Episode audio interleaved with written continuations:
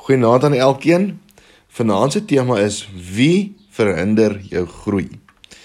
Die werknemers van 'n groot maatskappy het teruggekeer van hulle etebreek af en by die ingangportaal van die kantore is hulle begroet met 'n kennisgewing. Die kennisgewing het gelees: Die persoon wat jou die meeste verhinder het om te groei in die onderneming is gister oorlede. Ons nooi jou uit na die roudiens en die laaste eerbetoon wat in die gimnasium sal plaasvind vanmiddag 4uur. Almal was eers vreeslik hartseer om te hoor dat een van hulle kollegas afgesterf het.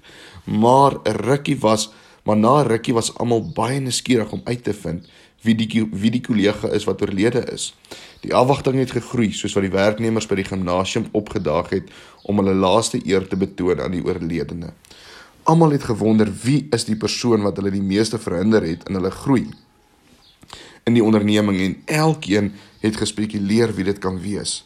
Die meeste se gevoel was in elk geval maak nie regtig saak wie dit is nie. Ten minste is hy of sy nie meer daar nie. Een vir een het die werknemers nader gestaan aan die oop kus en wanneer hulle in die kus kyk was hulle almal geskok.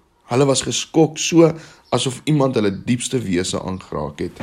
Daar was 'n spieël binne die kus en elkeen wat ingekyk het, kon sy eie refleksie in die kus se bodem sien. 'n Nota was langs die spieël aangebring wat as volg gelees het: Daar is slegs een persoon wat in staat is om beperkings op jou groei te plaas. Dit is jouself. Jy is die enigste een wat in staat is om jou lewe te verander. Die enigste persoon wat kan bepaal hoe gelukkig jy vandag gaan wees of hoe suksesvol is, dit is jy. Jy is die enigste persoon wat jouself kan help om jouself te belem om jou om jouself belemmer om te groei. Jou lewe verander nie as jou werkgewer verander of jou vriende verander of jou ouers verander of jou lewensmaat verander of as jou kinders verander nie. Jou lewe verander slegs wanneer jy verander. Wanneer jy verder strek as wat jy dink jy in staat is om te strek. Wanneer jy glo dat jy tot alles in staat is, sal slegs dan eers sal jy werklik tot alles in staat wees. Jy moet lief wees vir jouself en in jouself glo, want hoe anders sal jy jou naaste kan lief hê of in jou naaste glo as jy nie in jouself glo nie.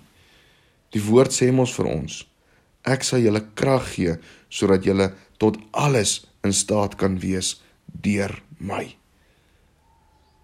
Voel jy dalk iemand kom jou te na? Voel jy dalk dat die lewe is nie regverdig nie?